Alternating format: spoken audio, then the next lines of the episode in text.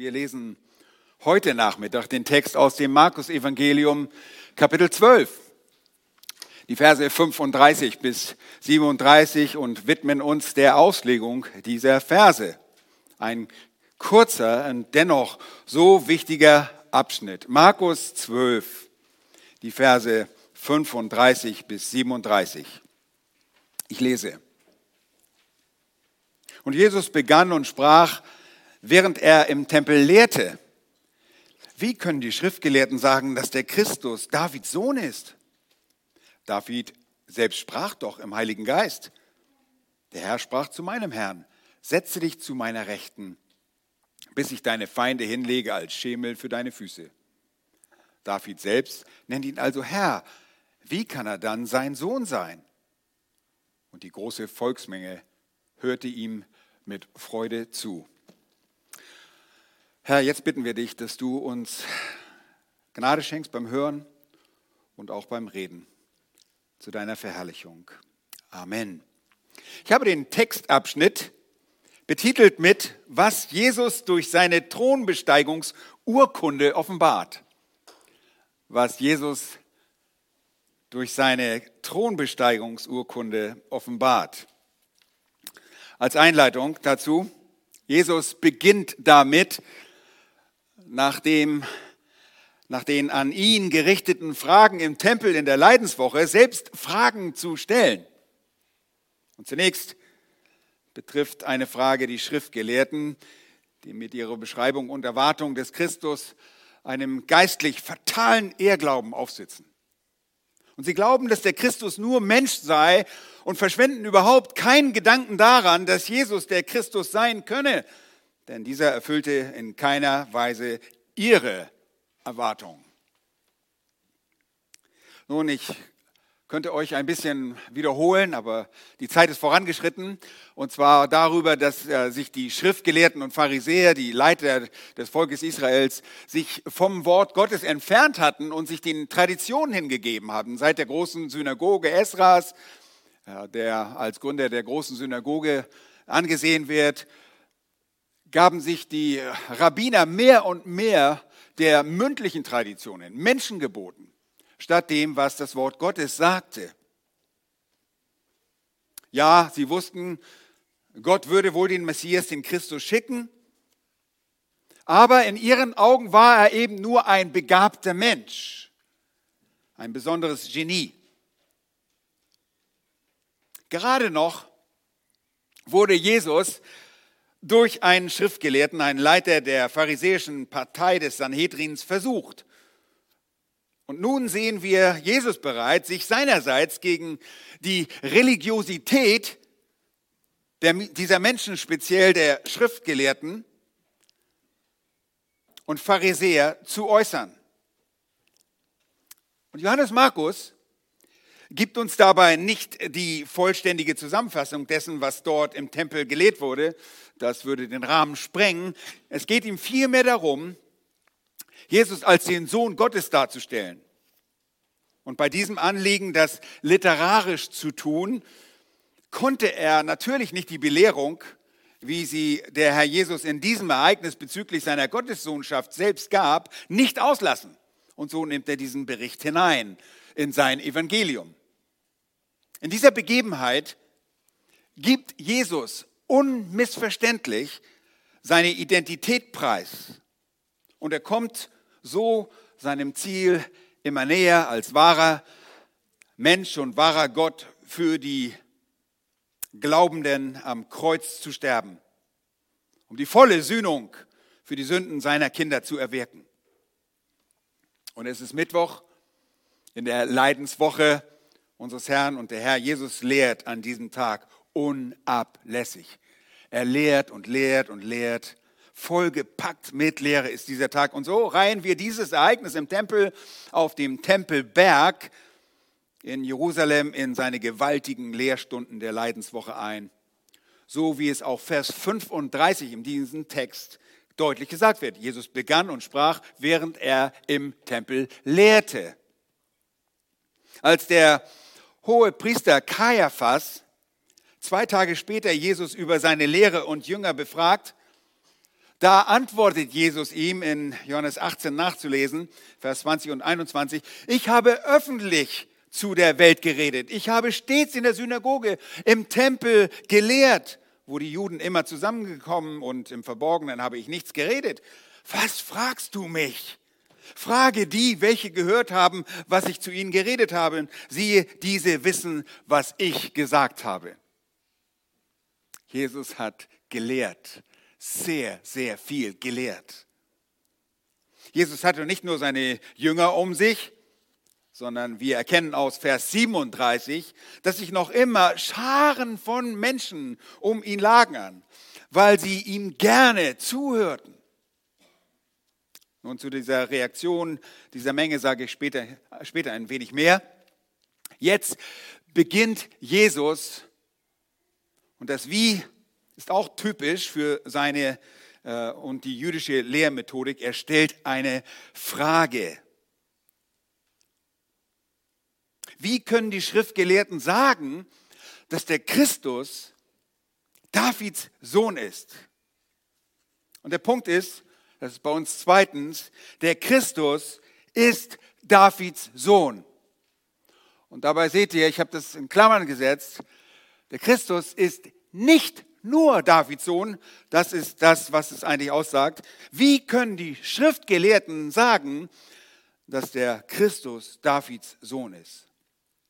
Nun, zu dieser Frage müsst ihr verstehen, dass die Erwartung auf das Kommen des Gesalbten und ich sage es noch einmal, damit wir das alle verstehen, der Gesalbte, der Christus, Christus ist es, die griechische Übersetzung des Gesalbten, Messias ist das jüdische, hebräische Wort. Also wenn ich das austauschbar benutze, wisst ihr warum.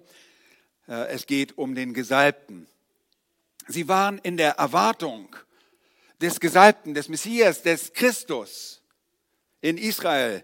Und diese Erwartung war wieder einmal auf dem Zenit, auf dem Höhepunkt.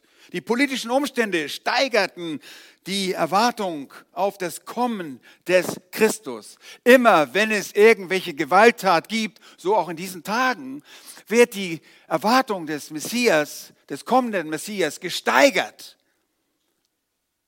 Und wie ihr wisst, zur Zeit Jesu standen sie unter der Fremdherrschaft, schon lange unter der Fremdherrschaft.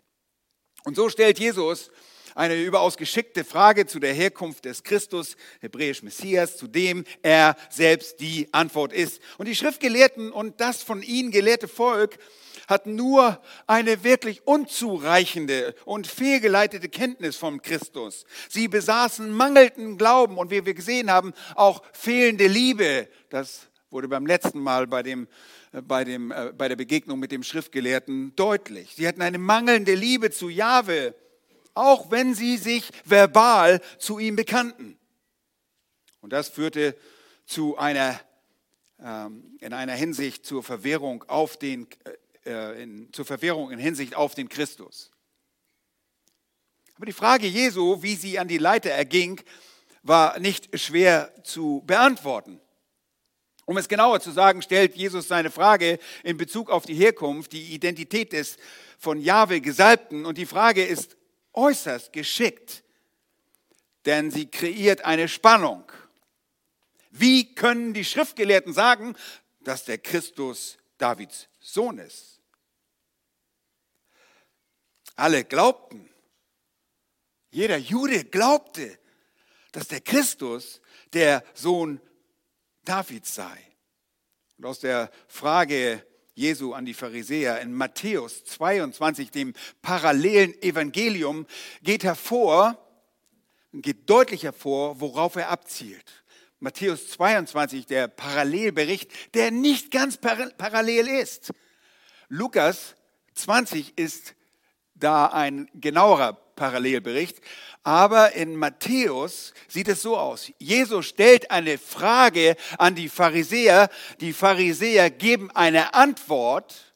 Und jetzt stellt Jesus eine neue Frage im Markus-Evangelium, die an das Volk zu gehen scheint, wo, die, wo er die Antwort der Pharisäer aufgreift und in seine Frage einbindet. Okay?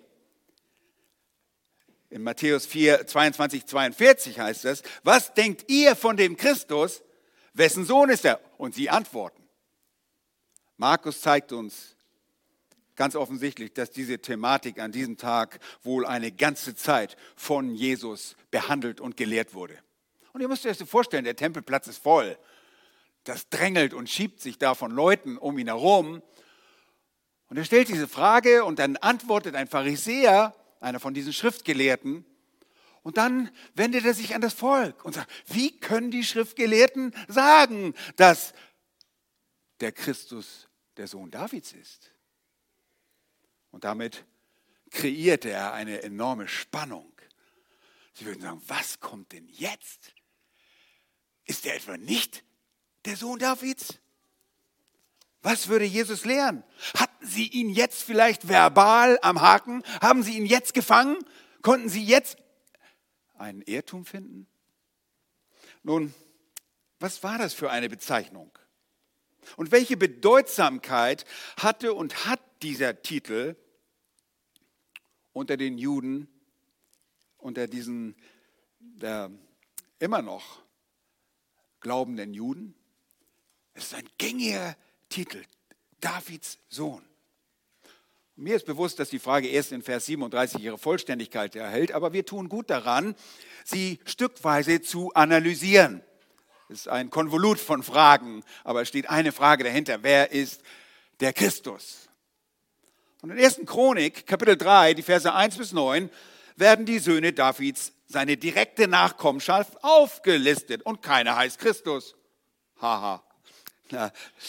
Spaß beiseite. Christus ist erstens nicht sein Name, sondern der Hoheitstitel des von Gott erkorenen Retters. Und zweitens lebte David mehrere hundert Jahre vor der Zeit dieser Ereignisse.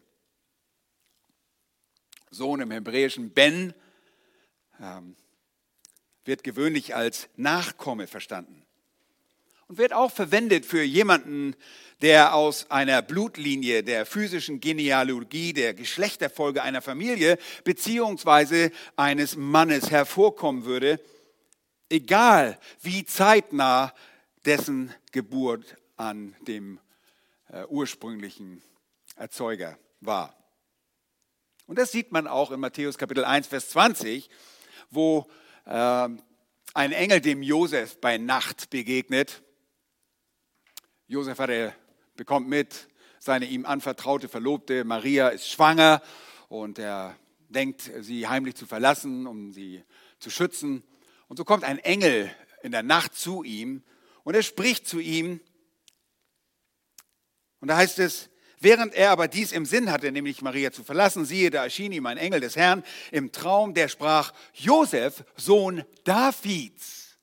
Seht ihr, hier ist die Nachkommenschaft Davids über viele, viele Generationen im Vordergrund. Josef, der Verlobte der Maria, mit der er nach Jesu Geburt auch äh, Söhne und Töchter zeugte, ist ein Nachkomme Davids. Deshalb Josef war Sohn Davids. Nun, ich erkläre euch, was den Juden schon bekannt ist, dass dieser David nämlich der zweite König in der Geschichte Israels ein gottesfürchtiger Mann war und dass er von Jahwe Gott zum König gemacht wurde und eine ganz besondere Verheißung erhielt. Und die wollen wir uns anschauen. Das ist sehr wichtig zu wissen. In 2. Samuel Kapitel 7 lesen wir von dieser ganz besonderen Verheißung beziehungsweise von einem Bund mit David. Bitte schlagt das mal auf, 2. Samuel Kapitel 7 in 2 Samuel Kapitel 7 und ich lese einfach von Vers 1, ohne alles detailliert auszulegen, das, dafür haben wir nicht die Zeit, aber ab Vers 1, 2 Samuel ab Kapitel 7, ab Vers 1. Und es geschah, als der König in seinem Haus wohnte und Jahwe ihm Ruhe gegeben hatte von all seinen Feinden ringsum her, da sprach der König, zu dem Propheten Nathan, siehe doch, ich wohne in einem Haus aus Zedernholz, aber der Lade Gottes wohnt unter Teppichen. Und Nathan sprach zum König, geh hin und tue alles, was in deinem Herzen ist, denn Jahwe ist mit dir. Aber es geschah in derselben Nacht, da ging das Wort Jahwes an Nathan. Geh hin und rede zu meinem Knecht, zu David. So spricht Jahwe, solltest du mir ein Haus bauen, dass ich darin wohne? Denn ich habe in keinem Haus gewohnt, von dem Tag an, als ich die Kinder Israels aus Ägypten heraufführte, bis zu diesem Tag, sondern ich bin stets in einem Zelt und in einer Wohnung umhergezogen. Wo ich auch immer umherzog, mit allen Kindern Israels habe ich auch jemals ein Wort geredet zu einem der Stammesoberhäupter Israels, den ich gebot, mein Volk Israel zu weiden und gesagt, warum braucht ihr mir kein Haus aus Zedernholz? Vers 8.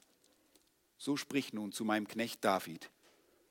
So spricht Jahwe Zebaoth, haben wir vorhin gehört, Jahwe Zebaoth. Ich habe dich von der Weide hinter den Heerschafen weggenommen, damit du Fürst würdest über mein Volk und Israel.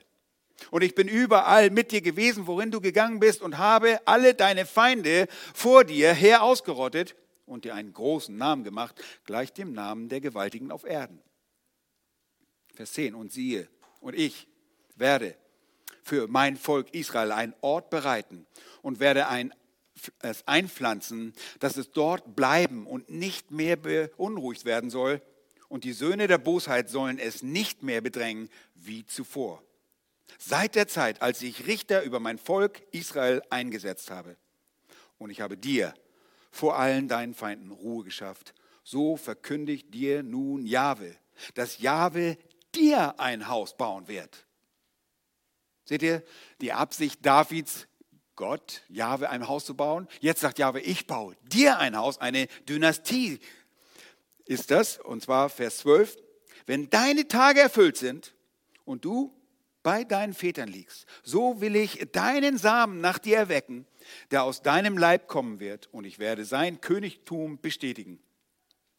Der wird meinen Namen ein Haus bauen, und ich werde den Thron seines Königreichs auf ewig befestigen. Und ich will sein Vater sein und er soll mein Sohn sein. Wenn er eine Missetat begeht, will ich ihn mit Menschenruten züchtigen und mit Schlägen der Menschenkinder strafen. Aber meine Gnade soll nicht von ihm weichen, wie ich sie von Saul weichen ließ. Denn den ich vor dir beseitigt habe, sondern dein Haus und dein Königreich sollen ewig Bestand haben vor deinem Angesicht. Dein Thron soll auf ewig fest stehen. Und diese Passage enthält diesen sogenannten Davidischen Bund. Und dieser Bund bezieht sich auf Jahwes Verheißung an David durch den Propheten Nathan. Und später wird dieser Bund in 1. Chronik 17, die Verse 11 bis 14 und 2. Chronik 6, 16 auch zusammengefasst. Der Davidische Bund gilt als ein bedingungsloser Bund zwischen Jahwe und David. Jahwe verspricht David und auch Israel, dass der Messias aus seinem, äh, dem Geschlecht Davids und seinem Stamm, das ist Juda, kommen würde. Der Messias sollte ihm ein Königreich aufrichten, das immer Bestand haben würde. Das ist im Wesen das, was er sagt. Und Jahwe stellte für die Erfüllung des Bundes, wie zuvor bei dem abrahamischen, abrahamitischen Bund, keine Bedingung des Gehorsams und somit ruht die Sicherheit der gegebenen Verheißung allein auf Jahwes Treue. Deshalb reden wir so häufig davon, dass Jahwe was ist, der bündnishaltende Gott. Die Erfüllung hängt in keiner Weise von Davids oder Israels Gehorsam ab. Nun, seit jener Bundesverheißung sind die Erwartungen der Israeliten, der Juden bezüglich des Messias auf die Nachkommenschaft Davids gerichtet. Und für die geistlich unbeständigen und Gott ungehorsamen Juden allerdings wurde im Laufe der Zeit die Verheißung immer undeutlicher. Sie blieb nicht präzise. Sie konnten diese nicht mit anderen relevanten Prophetien über den Messias, den kommenden Rettern, verknüpfen. Diese Fähigkeit besaßen sie nicht. Sie wurden unter den religiösen äh, Israeliten äh, zu Undeutlichkeiten. Und unter den religiösen Israeliten wurden diese Verheißungen des Bundes zu einer unausgewogenen Erwartung, in der lediglich ein Nachkomme Davids erwartet wurde, der als starker Kriegsmann und als ein Befreier auftreten würde und die Nation Israel von dem heidnischen Joch der Unterdrückung Erlösung schaffen würde. Diese Ungenauigkeit, das blieb noch hängen und das ist heute auch noch vorhanden. Sie glaubten, dass so wie Jahwe einst König David ausgerüstet und beigestanden hatte, so würde er auch den endzeitlichen Befreier mit Kraft gürten. Jahwe würde ihn stärken, um Jerusalem von den Heiden zu reinigen und die Sünder mit eisernem Stab zu zerschmettern. Er würde sie dann mit dem Wort seines Mundes vernichten und darauf lag und liegt heute noch ihre Hoffnung. Vernichtung und Gewalt wäre das Motiv dieses Befreiers. Ja, für sie galt und gilt ganz gewiss, dass der Christus, der Messias würden sie sagen, ein Sohn Davids sein wird. Er sollte doch bitte kommen und die Unruhen, die seit Jahrhunderten im Land vorherrschten und es ja immer noch tun, beenden. Diese Unruhen vermehren immer die Erwartungen auf diesen einzigartigen Helden in Israel. Aber ihre Ansicht von dem Christus, der kommen sollte, war gewiss nicht einheitlich und an, einem, an keinem klaren Wort und an den klaren Worten der Schrift festgemacht. Sie hatten durch viel menschliche Tradition das Wort Gottes verhallen lassen. Und das ist immer ein großes Problem. Wenn man dem Wort Gottes etwas hinzufügt, dann kommt man durcheinander. Oder wenn man irgendetwas auf Kosten anderer Schriften etwas weglässt, dann gibt es ein Durcheinander. Und so ist es heute noch, dass einige Juden meinen, der Messias wäre ja schon gekommen. Andere reflektieren das Denken ihres Rabbis Jochanan ben Zakkai, der von 30 bis 60 nach Christus gelebt hat und der vom Sohn Gott, äh, Davids gesagt hat, Zitat Beginn, der Sohn Davids, und damit meinen sie den Messias, das verwenden sie immer wieder, Könnt ihr im, in der Mishnah, in dem Talmud nachlesen. Der Sohn Davids kommt, Zitat, nur in einem Zeitalter, das ganz würdig oder ganz schuldig ist. Was gibt es noch für eine Option? Keine, oder? Ja, sehr schlau. In einem Zeitalter, das ganz würdig ist, sagt er, denn es steht geschrieben, und dein Volk besteht aus lauter Bewährten. Für immer da nehmen sie das Land in Besitz. Oder die andere Option, noch im Zitat, in einem Zeitalter, das ganz unwürdig ist, denn es steht geschrieben, und er sah, dass kein Mann da war, und er entsetzte sich, dass kein Anwalt da war. Ferner steht geschrieben, um meinetwillen tue ich's. Zitat Ende. Nun, hier wird von diesem Rabbi Jochanan ben Sakai, Sacharja 60, 21, Jesaja 59, 16 und Jesaja 48, 11 wahllos zusammengewürfelt, um einen unsicheren Glauben zu untermauern. Ja, entweder kommt, wir, kommt er, wenn wir ganz würdig sind, ja, das könnt ihr schon mal streichen, oder er kommt, wenn sie unwürdig sind. Ja, das passt. Aber nicht mit diesen, auf diese Art und Weise. Nun, als Jesus auftauchte und durch außergewöhnliche Lehre, seine göttliche Lehrautorität und auch durch seine Wunderwerke sondergleichen auftritt, kommt beim Volk auch die berechtigte Frage nach seiner Identität auf. Ihr könnt es nachlesen, Matthäus 12, dort in Vers 23, fragt die Volksmenge, sie staunte und sprach, ist dieser nicht etwa der Sohn Davids? Ja, er, Jesus, ist der Christus. Er ist der Sohn Davids.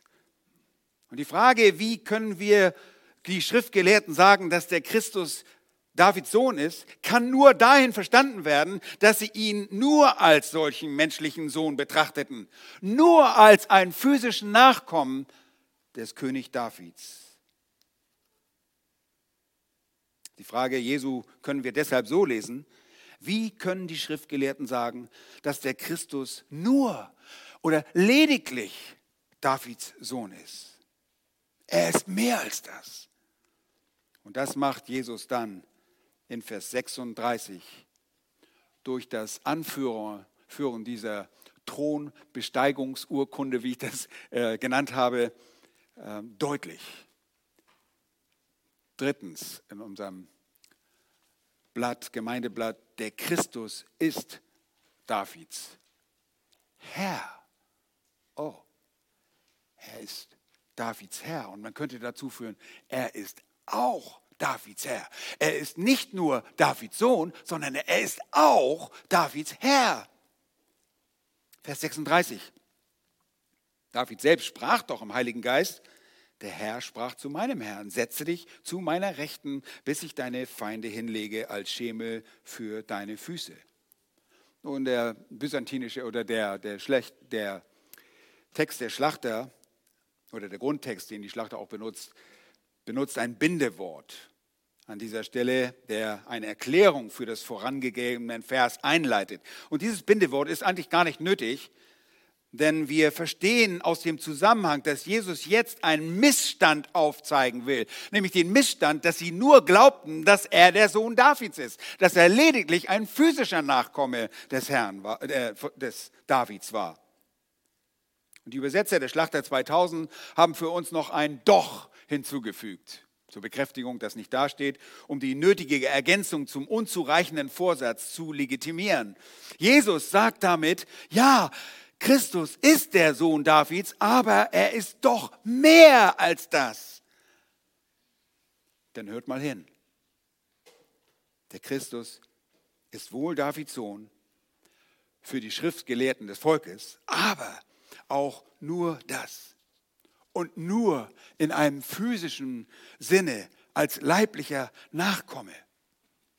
Nun, Jesus erfüllt dieses Kriterium der davidischen Nachkommenschaft und die Geschlechtsregister der Evangelium beweisen das, sowohl das äh, Geschlechtsregister in Matthäus Evangelium, das ihn als rechtlichen Thronfolger Davids sieht und ihn damit bestätigt, aber auch das Geschlechtsregister der Maria in Lukas Kapitel 3,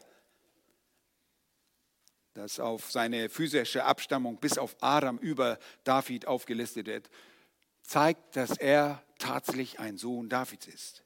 Wäre Jesus nicht ein Nachkomme Davids gewesen, dann gäbe es all diese Diskussion über seine Identität nicht. Und die Aufzeichnungen der Genealogien wurden im Archiv des Tempels aufbewahrt. Und ihr könnt euch vorstellen, dass die entsprechenden Verantwortlichen genau hingesehen haben, ob Jesus wirklich ein Nachkomme Davids war. Und wäre das nicht gewesen, dann würden sie gar nicht mit ihm diskutieren. Um jetzt zu zeigen, dass der Christus nicht nur physischer Nachkomme Davids ist, bringt der Herr Jesus David selbst zu Wort. Und wie macht er das? Holt er ihn aus dem Grab heraus? Nein, er lässt ihn sprechen. Wie geht das? Durch Anführung der Schrift, die unter der Leitung des Heiligen Geistes, der die Worte Davids, übrigens so wie den Rest der Schrift auch überall gehaucht hatte. Er fügt einfach das Wort, das David geschrieben hat, an. Jesus greift auf den vom Geist Gottes inspirierten Tanach zurück und auf das Liedgut der Israeliten und auf den Mann, auf den sich auch die Schriftgelehrten so gerne bezogen.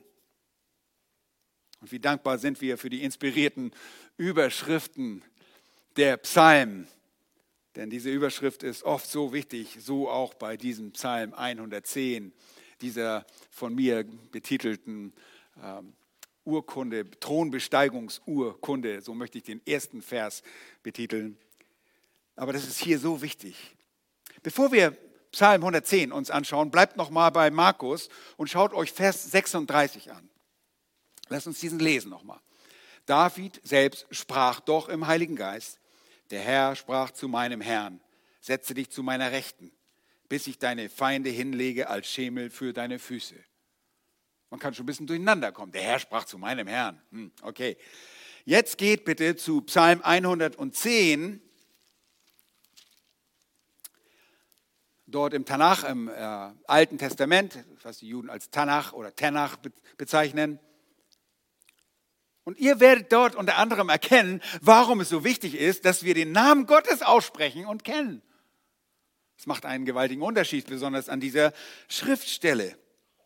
Nun, die Juden würden lesen in Hebräisch, Le David Mismor, ein Psalm Davids. Ne Um, Adonai Ladoni. Okay, das heißt, ein Ausspruch des Herrn zu meinem Herrn. Wir würden lesen, Naum Yahweh. Da steht Jahwe. Dort ist das hebräische Tetragramm, die Konsonanten im Hebräischen. Und ihr wisst, die äh, Juden wollten diesen Namen nicht aussprechen, um einen äh, Missbrauch zu äh, vermeiden. Aber dort steht der Name. Und Jahwe spricht jetzt zu Adon, Adoni, meinem Herrn. Das ist der Ausspruch Jahwes, gerichtet an meinen Herrn den Machthaber. Nun, hier sagt David, Jahwe sprach zu meinem Herrn, setze dich zu meiner Rechten, bis ich deine Feinde hinlege als Schemel für dein, deine Füße. In unserem Text in Markus offenbart Jesus durch das Anführen seiner Thron Besteigungsurkunde. Ja, dies ist hier das, was David sagt, was hier, hier bestätigt, das wird geschehen. Das ist Psalm 110, Vers 1, dass David um die Person der Gottheit, die Person Jahwes, Jahwes wusste. Er wusste, dass Jahwe mehrere Personen ist, ausmacht. Jesus zeigt damit auf, dass hier alle drei Jesus selbst zeigt damit auf, dass alle drei Personen der Gottheit, des Dreieinen Gottes in der Offenbarung gegenüber David wirksam sind und dass David davon Kenntnis besaß, dass sein Herr, das ist Davids Machthaber. Herr bedeutet Machthaber, Herrscher. Er war Davids Herrscher. Er wusste, dass er von Jahwe, dem Vater, Anweisungen erhielt sein Machthaber, erhielt Anweisungen von dem Vater Jahwe, sich an die Seite des Thrones zu setzen, um offenbar an der Seite Jahwes zu herrschen. Oh, das ist gewaltig. Und wir verstehen, dass die drei Personen unseres Gott, unseren Gott ausmachen. Und wir haben das beim letzten Mal gesagt. Jahwe ist einer. Das hebräische Wort aus dem Schema, Echad, bedeutet, er ist unser Drei-Einer Gott. Aber er ist Gott Vater, er ist Gott Sohn und er ist Gott Heiliger Geist. Alle drei Personen der Gottheit sind Jahwe. Alle drei sprechen hier der Vater äh, zum Sohn an dieser Stelle. Und an anderer Stelle der Sohn zum Vater und der Heilige Geist ebenso spricht im Römer 8 mit den anderen Personen der Gottheit. Hier spricht Jahwe der Vater zu Jahwe dem Sohn, der Davids Herr ist. Seht ihr? Wer ist Davids Herr? Der Sohn. Der Sohn, der jetzt Fleisch wurde. Jesus, er ist nicht nur ein physischer Nachkomme, sondern er ist sogar der Herr Davids, der Machthaber nicht nur Davids. Und wenn er Davids Machthaber ist, dann ist er Machthaber aller. Dieser Adon, Herr, griechisch Kyrios, der Kyrios Davids ist der Machthaber und Herrscher über alles. Das lehrt die Bibel und hier anerkennt selbst David, König David, ihn als solchen, der über sein Leben und sein Reich Autorität besitzt. Und wir erinnern uns, Gott setzt Regierung ein. Und David realisierte, dass letztlich Adoni sein Machthaber ist, dass, dass der Sohn Gottes sein Machthaber ist. Jesus hat alle Gewalt und wir erinnern uns nur, was Jesus sagt, bevor er gen Himmel fährt. In Matthäus 28 heißt es dort, mir ist gegeben alle Macht im Himmel und auf Erden. Er ist Herr. Und wir erinnern uns, der Vater spricht auch zum Sohn im Neuen Testament. Es ist interessant, diese intertrinitare Kommunikation, wie der Vater mit dem Sohn, der Sohn mit dem Vater, der Heilige Geist mit dem Vater und mit dem Sohn sprechen. Hier weiß ein David bereits, was Jahwe seinem Sohn sagte. Setze dich zu meiner Rechten, bis ich deine Füße hinlege zum Schemel für deine Füße. Und in dem Ausspruch Jahwes, ihr Lieben, geht es um Herrschaft, die in der endgültigen Beseitigung der Feinde des Sohnes endet. Wenn der Christus der Herrscher ist, ihr Lieben, wenn er das für David war, dann muss er das auch für dich sein. Dann musst du auch du dich ihm unterwerfen. Zu einem bestimmten Zeitpunkt in der Geschichte sollte sich diese Prophetie in einer Person zu erfüllen beginnen. Eine Person, die nicht nur göttlich ist, sondern auch ein physischer Nachkomme Davids sein würde. Das impliziert diese Thronbesteigungsurkunde, dieses Intronisationsdiplom Jesu, diese Bestallungsurkunde. Er wird befördert zum König, weil er Mensch wurde. Und wir wissen, wer das ist. Und der Schreiber des Hebräerbriefes zeigt, dass diese Person Jesus ist und dass Jesus erhaben über alle Engel ist. Und dazu führt er ebenso die Thronbesteigungsurkunde von Psalm 110, Vers 1 in Hebräer 1, Vers 13 an. Und er fragt, zu welchen von den Engeln hat er denn jemals gesagt, setze dich zu meinen Rechten, bis ich deine Feinde hinlege als Schimmel für deine Füße? Antwort ist recht einfach. Zu keinem Engel hat er jeder zugesprochen und er hat sie nie aufgefordert zu herrschen. Sie sind, wie äh, dort in, in Vers 14 beschrieben wird, in einer rhetorischen Frage ausgedrückt, alle dienstbare Geister, ausgesandt zum Dienst um derer willen, welche das Heil erben sollen. Aber herrschen zur rechten Jahwes? Nein, kein Engel würde herrschen. Nur der Sohn den hat er eingesetzt zum Erben von allem, durch welchen er auch die Welten geschaffen hat. Der Sohn nämlich ist die Ausstrahlung seiner Herrlichkeit und der Ausdruck seines Wesens und er trägt alle Dinge durch die Kraft seiner, äh, durch das Wort seiner Kraft. Er ist es, der vom Thron der Herrlichkeit jetzt herrscht. Denn zuvor sagt der Hebräerbriefschreiber vom Sohn Gottes im selben Kapitel und in Vers 3, also Kapitel 1, Vers 3, er hat sich, nachdem er die Reinigung von unseren Sünden durch sich selbst vollbracht hat, zu Rechten der Majestät in der Höhe gesetzt. Seht ihr? Jesus steht noch davor, als er im Tempel lehrt. Es sind noch zwei Tage bis zu seinem Tod. Wann begann sich diese Prophetie zu erfüllen? Mit der Thronbesteigung nach der Menschwerdung Jahwes des Sohnes. Und Sam hatte schon gesagt, wir haben diese Woche die Himmelfahrt gehabt und daran uns erinnert, dass er zurückgekehrt ist. Der Christus kehrte zurück, weil er dem Vater gehorsam war. Er wurde erhöht und kehrte zurück, um die Regierung an der Seite seines Vaters anzutreten und fortzusetzen. Ihr habt ganz recht gehört. Er kehrte zu dem Platz seiner Herrlichkeit zurück. Er kehrte an den Platz seines Ursprungs zurück, aber jetzt mit der Erfüllung und nach Vollendung seines bestimmten Erlösungswerkes. Das Werk war vollbracht. Preis den Herrn.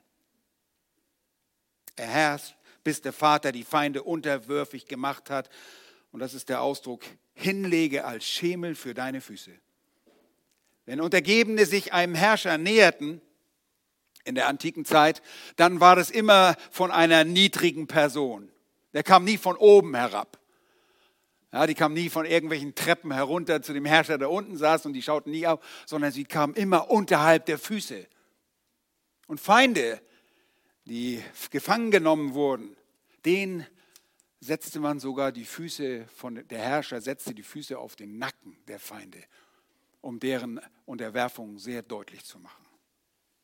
Er spricht von totaler Kontrolle. Und das ist hier im Bild. Das wird der Vater tun. Er wird alle Feinde dem Herrn unterwerfen.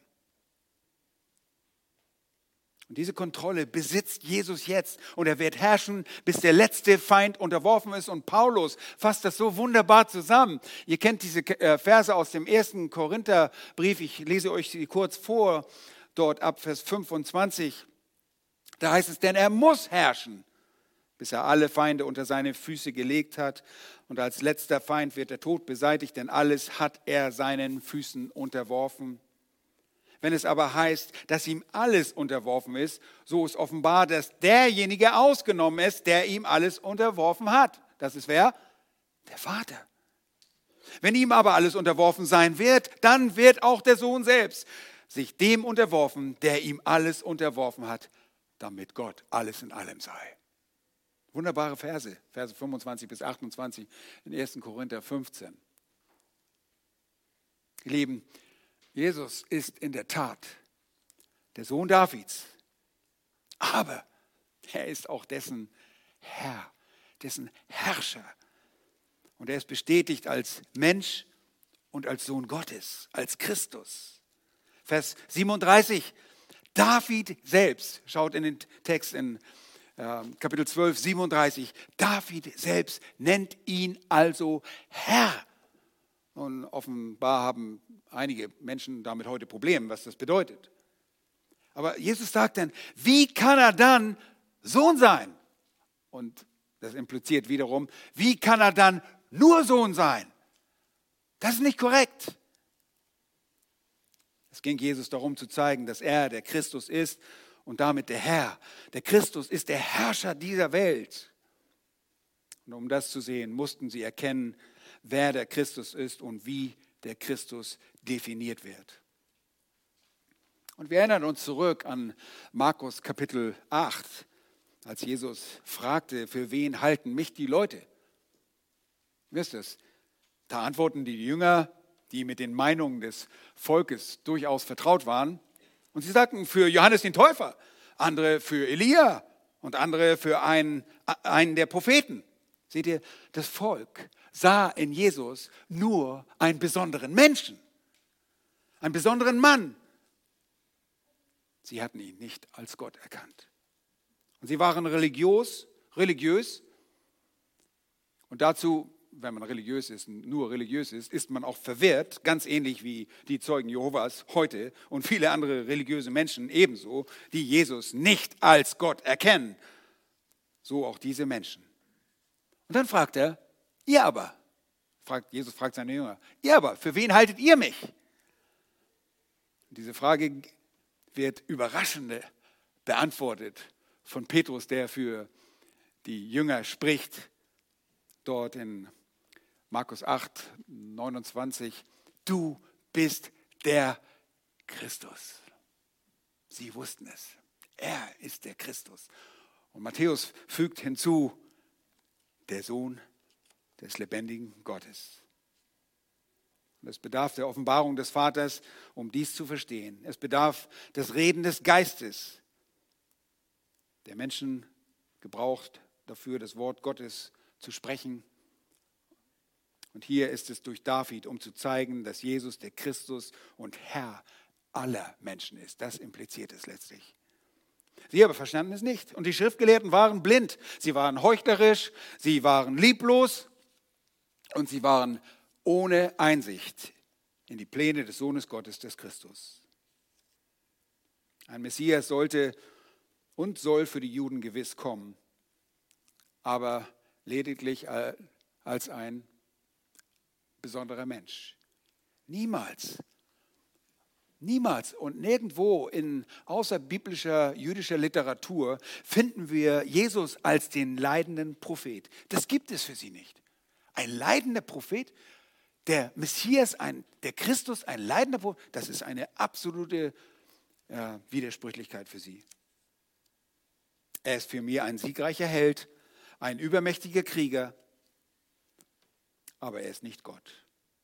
Und so müssen wir die Reaktion der Juden verstehen, als Jesus ihnen die Wahrheit über seine Identität beim Verhör vor Kaiaphas offenbart, dass sie ihn daraufhin der Gotteslästerung bezichtigen. Da heißt es in Markus 18, äh 14, 18 Kapitel gibt es nicht, Vers 61 und 62. Wieder fragte ihn der Hohepriester und sagte zu ihm, bist du der Christus, der Sohn des Hochgelobten? Jesus aber sprach, ich bin's. Und dann sagt er, und ihr, ihr werdet den Sohn des Menschen sitzen sehen, zur Rechten der Macht und kommen mit den Wolken des Himmels. Oh. Welch wunderbare Wahrheiten, aber das konnten sie nicht ertragen. Und so kreuzigten sie ihn. So eine wunderbare Wahrheit in so wenigen Worten unseres Herrn Jesus Christus als Antwort auf die Frage des Kaiaphas. Übrigens für die Rabbiner im Judentum kommt der Messias nur einmal, nicht ein zweites Mal. Sie kennen nicht die Notwendigkeit des Sühneopfers für ihre Sünden. Sie würden viel lieber Tieropfer bringen, statt auf das einmalige Opfer des ultimativen Lamm Gottes zu bauen. Sie würden lieber auf den Menschen vertrauen, statt diesem vermeintlichen Zauberer Jesus von Nazareth Folge zu leisten. Ihr habt ja in dem Buch Mose gehört, die Zaubereien in Ägypten. Man sagte Jesus nach, er hätte diese Zaubereien aus Ägypten mitgebracht, als er dort verweilte. Man setzt ihn auf die Stufe Biliams. Und er würde mit zusammen, in jüdischen äh, Schriften ist er mit Biliam zusammen in der Hölle. So denken die Juden von Jesus. Und es wird im Judentum immer und fortlaufend darüber geredet, wann und wie der Messias kommen wird. Und sie hören nicht auf. Jesus, der ihnen im Tempel alles offenbarte und zeigte, sie hören nicht auf Jesus, äh, obwohl Jesus ihnen im Tempel alles zeigte und immer zu lehrte. Nun meine Frage ist, wie geht es dir? Hörst du auf Jesus, den Christus, den Sohn Gottes, der Herr ist? Oder geht es dir wie dieser Menschenmenge im Tempel? Vers 37, was war die Reaktion? Und die große Volksmenge hörte ihm mit Freude zu. Hey, was war los mit ihnen? Liebten sie geistliche Unterhaltung dieser Art? Sicherlich waren sie Jesus mehr zugeneigt, zugeneigt als die Schriftgelehrten zuvor. Und sie waren auch sehr gut belehrt durch Jesus, aber beugten sie die Knie? Nein, sie taten es nicht. Sie erkannten ihn nicht als Herrn an, als den Herrscher, der Anspruch hat auf das Leben aller Menschen. Sie liebten Entertainment und zwar auf dem allerhöchsten Niveau. Und deshalb hörten sie ihm gerne zu. Und ihr Lieben, so geht es heute sogar vielen religiösen Menschen. Gott ja, aber einem Herrn folgen? Nein. Und selbst in evangelikalen Kreisen geht es heute oft nur darum, dass Jesus als bittender Retter an der Herzenstür von Menschen klopft und man ihm gnädigerweise die Tür öffnet, damit er der Erlöser sein darf, der uns aus der Hölle errettet. Oh, täuschen wir uns nicht. Er der Erlöser ist Herr. Er ist Herrscher. Der Gnädige ist auch der Gerechte. Mitfühlend und gerechterweise zornig und auch verdammt. Die Hölle ist seine Hölle und er hat den Schlüssel dazu. Er ist Richter und er wird verdammen.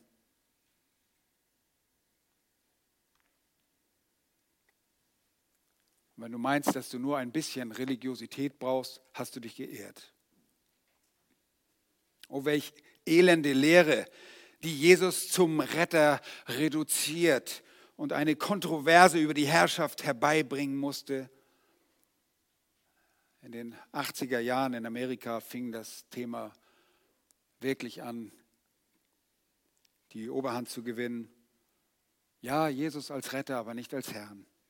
Lasst es euch durch Jesu Thronbesteigungsurkunde sagen sein Bestallungsdokument, sein Intronisationsdiplom, ausgestellt zur Zeit Davids. Es zeugt davon, dass er Herr ist und sein will. Jesus ist der Christus und Herr, gesalbter Herrscher, dem du Rechenschaft geben musst. Glaube an ihn. Und ich ende mit dem Wochenvers.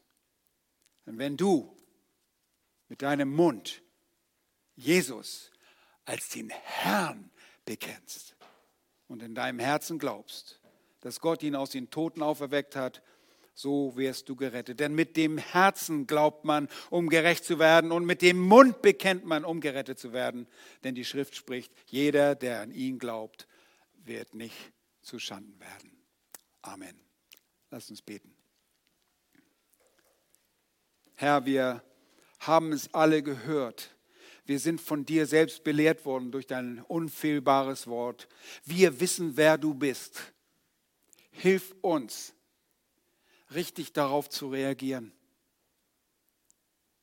Herr, und wenn jemand unter uns nur religiös ist und das nicht verstanden hat, arbeite du bitte in dem Herzen dieser Person. Rüttel diese Person wach, sodass sie sich dir willig und gerne unterwirft, damit du in der Zukunft diese Person nicht verwerfen musst.